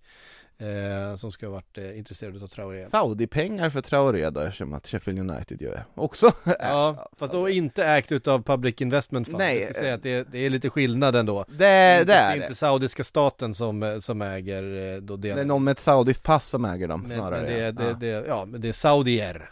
Eh, Ja, så är det ju. Mm. Eh, det, det är faktiskt en väldigt viktig skillnad i sammanhanget. Eh, nej men alltså, jag, vet- jag vet inte riktigt om jag säger att han ska gå in och börja spela i Premier League, Benny Traoré, att han har riktigt har den nivån. Nej. Eh, men, Men, och, och det är Häck- bra- Häcken vill ha 5 miljoner euro för honom. Ehm, ja, det tycker de gör rätt i att sätta den prislappen. mm. Eh, det är en ung, väldigt spännande spelare som leder allsvenskans skytteliga trots sin unga ålder, så att jag eh, Men jag tror väl att det kommer bli en, en flytt och jag tycker väl att alternativen som nämns är ju intressanta för honom, såklart. Ja, och eh, jag menar, eh, jag tror också att man har en deal med honom från eh, Tidigare. Frå, ja, men, eh, när man skrev det kontraktet att kommer det in ett rätt bud, kommer det in en, eh, ja, men ett lag från, från Premier League, att då säljer vi liksom. Alltså, eh, Sen har man ju Sadik också, som, eh, som väl säkert också, men det är ju skadeproblemen han hade här under under våren och sånt som kanske förhindrar att det skulle ske någonting redan nu i sommar. mm, där. precis. Vi eh, tar lite fler frågor. Vi, eh, eh, ehm, Erik Hansson skriver, prata lite Leicester City, vilka spelare kommer flytta på sig och hur tror ni framtidsplanerna ser ut för klubben, vilka ska man värva och så vidare. Eh, jag tror att det som är viktigt för, för Leicester är att ja, man kommer behöva sälja av en del. Eh, det blir ju eh, svårt att hålla i Madison till exempel, det är svårt att ha honom i, i Tottenham verkar ändå vara tillbaka där nu, Ja, va? de är tillbaka i, i racet igen och det känns som en spelare de verkligen skulle behöva. De Mm. Bra, bra in, för dem. Det var måste få in kreativitet på, på Ja. mitten där. Eh, Väldigt bra för dem om de får lösa det. Ja. Sen finns det sådana spelare som så Drewsbury Hall, det är en sp- spelare som är ung, som är, har liksom jättepotential, det är, som nog skulle kunna tänka, alltså, som man skulle kunna ha i en vända i, i Championship, gå upp med, Bygga saker runt. by, bygga lite saker runt eh, och, mm, och låta utvecklas i klubben eh, under ett sånt här år, för det tror jag skulle kunna vara väldigt utvecklande för en sån spelare. Mm. Ehm, Men det finns ju vissa spelare som man känner lite är för bra för att åka med ner i Championship. Så är så det. är det ju såklart. Eh, vet inte om, ja, Castani kopplades faktiskt samman med Arsenal en del eh, Så var det. Bland annat, han tror jag väl kommer att flytta på ett eller annat sätt eh, Jag vet inte hur intresset för Wout Fass är Kanske inte jättehögt Nej, nej. eh, det sen så här, Didi mm, en Didi kan man verkligen se att Ja. kunna Ianacho skulle man också kunna Ianacho se är för bra för eh, Championship tycker jag också på. Sen tycker jag Patson har, Daka kanske åker ner och försöker bara få fart på karriären där i Championship med Leicester, jag vet inte mm. eh, Det är ju gamla Enzo Maresca som ska få igång det där nu, är det väl? Ja precis. Ja. James Justin är absolut en spelare man ska, tycker jag, ha kvar. Eh, försöka liksom bygga någonting lite nerifrån. Det är lite, det är ju inte lugn och ro att spela i Championship, så är det ju. Men med den här truppen man har, om man bara kan få behålla en stomme härifrån, så ska man vara så pass mycket bättre än allt motstånd i Championship att man ska bara studsa tillbaks direkt. Borde vara det Borde vara det ja. Men det ska inte slås fast i scen för Championship är en annan plats än vad den var för några år sedan Det är en mycket mer konkurrenskraftig plats idag än vad det var för några år sedan Somaré är också en sån här spelare som eh, Ja. Det är en sån spelare Det, det är en sån spelare. Nej men de har några sådana här som, som är Det är inte helt givet att de går rakt, rakt in i liksom ett annat Premier Vad gör League Jamie Vardy? Det är nog ingen som signar en Jamie Vardy nu för tiden. Han, han, han Nej, det skulle är ju, han som kommer skulle, värva honom Det är jag ganska övertygad om, men jag menar han spelar väl kvar i Leicester. Han skulle väl fan ner och, ner och kötta i, i Championship. Det, det skulle han må bra av. Ta pengarna och dra till Gulfen Ja, det kanske han gör i och för sig. Ja, eh, Eh, Eh, Marcus Lagen skriver, har inte hört så mycket av spelare ut för Arsenal, vad tror du till exempel Pepe? Pepe, det, honom han- hade han- man glömt han är på lönelistan ja Ja, Ja, han- vad, han- vad gjorde Pepe förra säsongen? Eh, drog inte han på sig en skada? Han lirade ju i Nice Ja, eh, men Gjorde det väl ändå helt okej? ska vi se här, eh, vad gjorde Pepe? Vad gjorde du? Det där är fel Pepe eh, Nicolas Pepe, så, så säger man Du, du kan aldrig säga fel Peppe om den Peppe Nej, Det finns bara en Peppe Ja, så är det ju. Eh, nej, han hade ingen vidare säsong eh, kan jag avslöja. Jag tror att han eh, möjligtvis drog på sig en skada. Han spelade bara 19 matcher eh, under hela förra säsongen. Så att, eh, jag vet inte vad marknadsvärdet är på Nicolas Pepe just nu men Det är väl eh, återlånet till Frankrike ännu en vända va? ja, alltså svårt att säga någonting annat. Han, han lär ju inte ingå i Artetas planer om vi säger så. Men han ska väl dyka upp där på försäsong nu och så får vi väl se. Eh, som sagt, jag, jag misstänker att han har eh, brottats med, eh, med skador den här säsongen. Eh, för att oavsett om han var misslyckad i Arsenal så skulle han ju ha spelat eh, fler matcher för, för Nice om han hade varit hel. Han är 28 år gammal nu. Nej, Det är fortfarande en övergång jag aldrig kommer förstå mig på Nej, nej, så är det verkligen. Ehm, vad har vi mer då på, på listan? Ja, eh, Tavares, Lokonga, Balogun, Cedric. Eh, ja. Logan ska de väl ha satt ett prislapp på, på runt 35 miljoner pund eller något, väldigt rimlig prislapp tycker jag, sett i vilken succé han gjorde ändå i Frankrike. Eh, är väl en spelare som, ja han kommer inte acceptera någon sorts eh, rotationsroll och nu när alltså Reece Nelson kvar, Nketiah kvar, Mm. Gabriel Jesus, Havert in, nej de Ja det är ju mer de här utlånade spelarna som man kanske ska hitta nya adresser för. Det är väl det som är känslan på utfronten. Det har ju pratat mycket om Tierney ut också men det verkar väl inte bli så mycket av det. Eh, Om jag hette eh, Takehiro Tomiyasu skulle jag nog fundera över eh, min situation. Mm. eh, om, Framförallt om Jurien Timber ska in också i det här. Eh, Det är väl någonstans där man hamnar va? Mm. Eldeni kvar ytterligare ett år Bara glad att få vara med ja, precis. Typ så Eh, Elden i, fy fan vilken begränsad fotbollsspelare. ja, vi, Eh. Vilken kultspelare ändå Ja, jo, absolut. Eh, Max Svensson eh, vill ha en scoutingrapport på Nicholas Jackson. Kör nu Makoto, vem är den här? Chelseas Alltså, nya guldklimp. Det är ju det här, jag vet att jag har varit inne på det i podden här förut, att det är en jättelovande forward, 21 år gammal, från, från Senegal, avslutar den här säsongen helt strålande, blev utsedd till månadens spelare i La Liga, eh, nio mål på åtta matcher. Gjorde dock totalt 12 hela säsongen. Om man tittar på vissa underliggande stats och sånt där så- så sticker han ju ut i väldigt många parametrar. Det är en väldigt skicklig fotbollsspelare. Men utifrån Chelseas ambitioner, som de borde ha sett i vad de har investerat och vad den klubben är, jag ser det absolut inte som en, en startforward i Chelsea och en garanterad succé. Jag skulle vilja sträcka mig så långt som att det är större garanti på att bara behålla Romelu Lukaku och spela honom. Och nu, nu kommer jag få massa emot mig säkert. Men jag, jag, tycker inte han har visat nog för att gå in och bara plötsligt ta en startplats i Chelsea. Jag tycker inte, jag tycker man stirrar sig blind på de där nio målen på åtta matcher. Det är känslan jag får. Sen, den positiva aspekten, det är en väldigt överkomlig prislapp i sammanhanget i och med att han har en klausul. Chelsea betalar lite mer än den klausulen för att kunna dela upp betalningen och så vidare. Men om han är tänkt att värva som ett första val då undrar jag hur det står till och vad, vad tanken är. Då tror jag att man har övervärderat hans kvalitet och potential något enormt. Han kan absolut bli en sån spelare på sikt, han kanske gör jättebra ifrån sig. Men jag tycker inte att det är, eh, jag skulle vara, ha vissa tvivel. Men han är främ, främst centerforward, eller hur? Han, han, Ja. han, han spelar centralt och Ja. eh, ganska stor och stark ju. Kan han fungera som en target? Ja men han kommer ju vara, han kommer ju vara liksom centerforward, men han är ju, han är ju inte bara en begränsad target, han är ju en spelare som har ganska många andra strängar på sin lyra också. Eh, han har snabbhet och, och all, allt vad det innebär, liksom teknik, eh, målsinne. Han är åtminstone en uppgradering på Aubameyang. Ja men det är väl de flesta just nu. Auba, Auba, som, Till och med jag. Auba som nyligen la upp en bild på sina barn i Barcelona-tröjor. Det- han, han vill tillbaks. eh, men, eh, nej men alltså när de har Brocha, när de har värvat Datro Fofana, det är ju också unga anfallare med skyhög potential.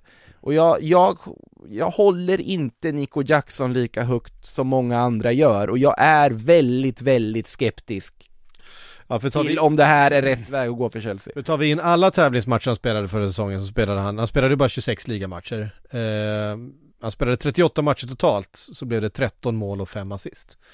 Eh, för Vill- Villarreal. Det är ju inte, det är inte jättemycket. Nej, Joselu 33 gjorde 16 mål i ligan för ett Espanyol som åkte ur. Han var Madrid på någon sorts lån för, jag vet inte, som kostade en miljon liksom. Det var det, otroligt billigt. Eh, I och för sig i och med en klausul som fanns i kontraktet och så vidare. Men, nej jag, jag är jag är skeptisk. Mm. Det, det ska jag ändå säga, jag är, jag är skeptisk. Sen, det kanske blir en dundersuccé och jag får ju käka upp det här i stil med när man tyckte synd om den här unga killen som heter Marcus Rashford som kastades in för Manchester United i sin debut och man kände det här kommer inte gå bra, eh, som jag tweetade en gång i tiden. Eh, så, så att man kanske får äta upp det, men jag, jag är lovande, ja, potential, ja, bra prislapp, ja, men ja, alltså som första forward när de ska bygga om det här laget, om de ska gå för större saker och typ nå övre halvan, då tycker inte jag att det är rätt väg att gå. Där har ni det. Hörde ni, det var allt vi hann den här eh, måndagen. Tusen tack alla ni som har lyssnat. Eh, Sillypodden är tillbaks på torsdag igen. Vi tuffar vidare in i sommaren Makoto. Eh, och det gör vi så gärna. Det är nu bara en eh, vecka lite drygt kvar innan eh, Stora internationella fönstret slår upp sina portar, ja så är Ja, det. eh, och trupperna börjar återsamlas då för försäsong. Det är en kort semester de har. Eh, Vi hade ju en eh, artikel om det på Sportbladet idag om det här med spelares hälsa och spelarfacket som har rytit ifrån eh, angående ja, men speltid. Det var väl Declan Rice som var uppe och spelade 61 matcher eh, föregående säsong och så direkt iväg på landslagsläger. Två veckors semester ungefär och sen på med försäsong. Inget, inget slår eh, Pedri 2021, det, det, det, är liksom, det, det, är, det är det som är måttstocken på något sätt. Eh, Tonåring, spelar varje match för Barca, spelar ett EM, direkt från EMet åker och spelar OS. Alltså klart att han kraschade. Ja, det är också, någon måste sätta stopp någonstans. När han åkte och spelade OS så var det ju, det var ett steg för långt, nu, nu får ni ge er liksom. Jag, jag tror jag varit inne på det här vid något tidigare tillfälle när vi har haft den här diskussionen att jag, jag tror att det kommer behöva införas ett speltak för hur många spelare, eller hur många matcher en spelare får spela under en säsong. Sen äh, för att tvinga klubbarna att rotera lite grann, antingen eh, antal matcher eller minuter eller på något sätt att det, det, det kommer Men ska, ska landskampen räknas in i det? För då, där kommer ju ge en problematik som... Jag tror att det, det, här är ju, det här är ju en problematik där, där klubbarna och eh, förbunden inte helt enkelt kommer överens och där klubbarna har fått mer och mer makt eh, över den internationella fotbollen. Men ska man inte sätta speltaket bara för klubblagsmatcher då och bara låta lands, lands, landslagen måste ju fortfarande få, Ja, det är det här som är problemet, för då kommer klubbarna säga, nej men då ska det gälla dem också. Eh, vi måste kunna ha våra, det är vi som betalar spelarnas löner, det är vi som Mm. driver den här sporten framåt, det är vi som driver hela e- ekosystemet. Ja, för det- för, för- förbu- förbunden lever på oss, det är ni som får anpassa er, det är ju så klubbarna resonerar. Eh, Medan förbunden säger att spelarna vill spela för sina länder, det här är liksom det viktigaste, det här är liksom eh, sportens Mm. kärna. Eh, så att det är en väldigt svår förhandling, men jag tror förr eller senare Alltså, jag, jag tycker inte det är en dum idé det där med att sätta ett tak Jag vet inte exakt hur det skulle fungera, jag, jag, vet, jag har haft någon, någon pladdrig utläggning om det förut Givetvis börjar jag dra någon sorts baseballreferens i huvudet när jag tänker på att de hade ju begränsningar när de spelade, när de spelade just vad heter det, World Baseball Classic här nyligen. Mm. När det här liksom, deras World Cup, där även MLB-stjärnor får vara med och spela för sina landslag. Då har de ju för, alltså pitchers då, för kastare så har de en liksom gräns beroende på vilken match i turneringen det är hur många kast de får kasta innan de måste bytas ut. Och då är det väldigt få kast i början av turneringen och sen när det kommer till final så får de kasta många fler. Eh, men det tidigare i turneringen så de största stjärnorna, de får bara kasta max typ så här 60 kast på en match. Sen måste de bytas ut. Och du kan, det är som att sätta då en gräns på att ja men Declan Rice åker på engelsk landslagssamling. Han får spela max 60 minuter. Att den liksom, då måste du göra ett byte på det. Sen, sen funkar kanske inte det i fotboll eftersom att du har begränsat antal byten på ett annat sätt men Det är en tanke om inte annat Mm. Att ta med sig att jag tror att, och jag tror väl också nu när Klubblags-VM ska väl, slå- alltså Mm. i stort Utökas. format eh, Alla turneringar ska bara utökas, det ska bli fler Champions League-matcher, det ska bli fler VM-matcher, det ska bli Alltså fler... att det här nya CL-formatet har fått smygas ut bara i liksom så här. Uefa bara utnyttjade hela Super League-diskussionen med att smyga ut ett format som basically är Super League-idén. Mm. Men det har varit extremt lite snack kring vad det faktiskt är för nytt CL-system som kommer, inte nästa säsong utan säsongen efter det. Eh, jag är väl inte ett jättefan av det, kan jag väl lugnt konstatera. Ehm, inte jag heller. Hörde ni, det var allt vi hann. Tusen tack för att ni har lyssnat. Vi är tillbaka på torsdag igen. På återhörande.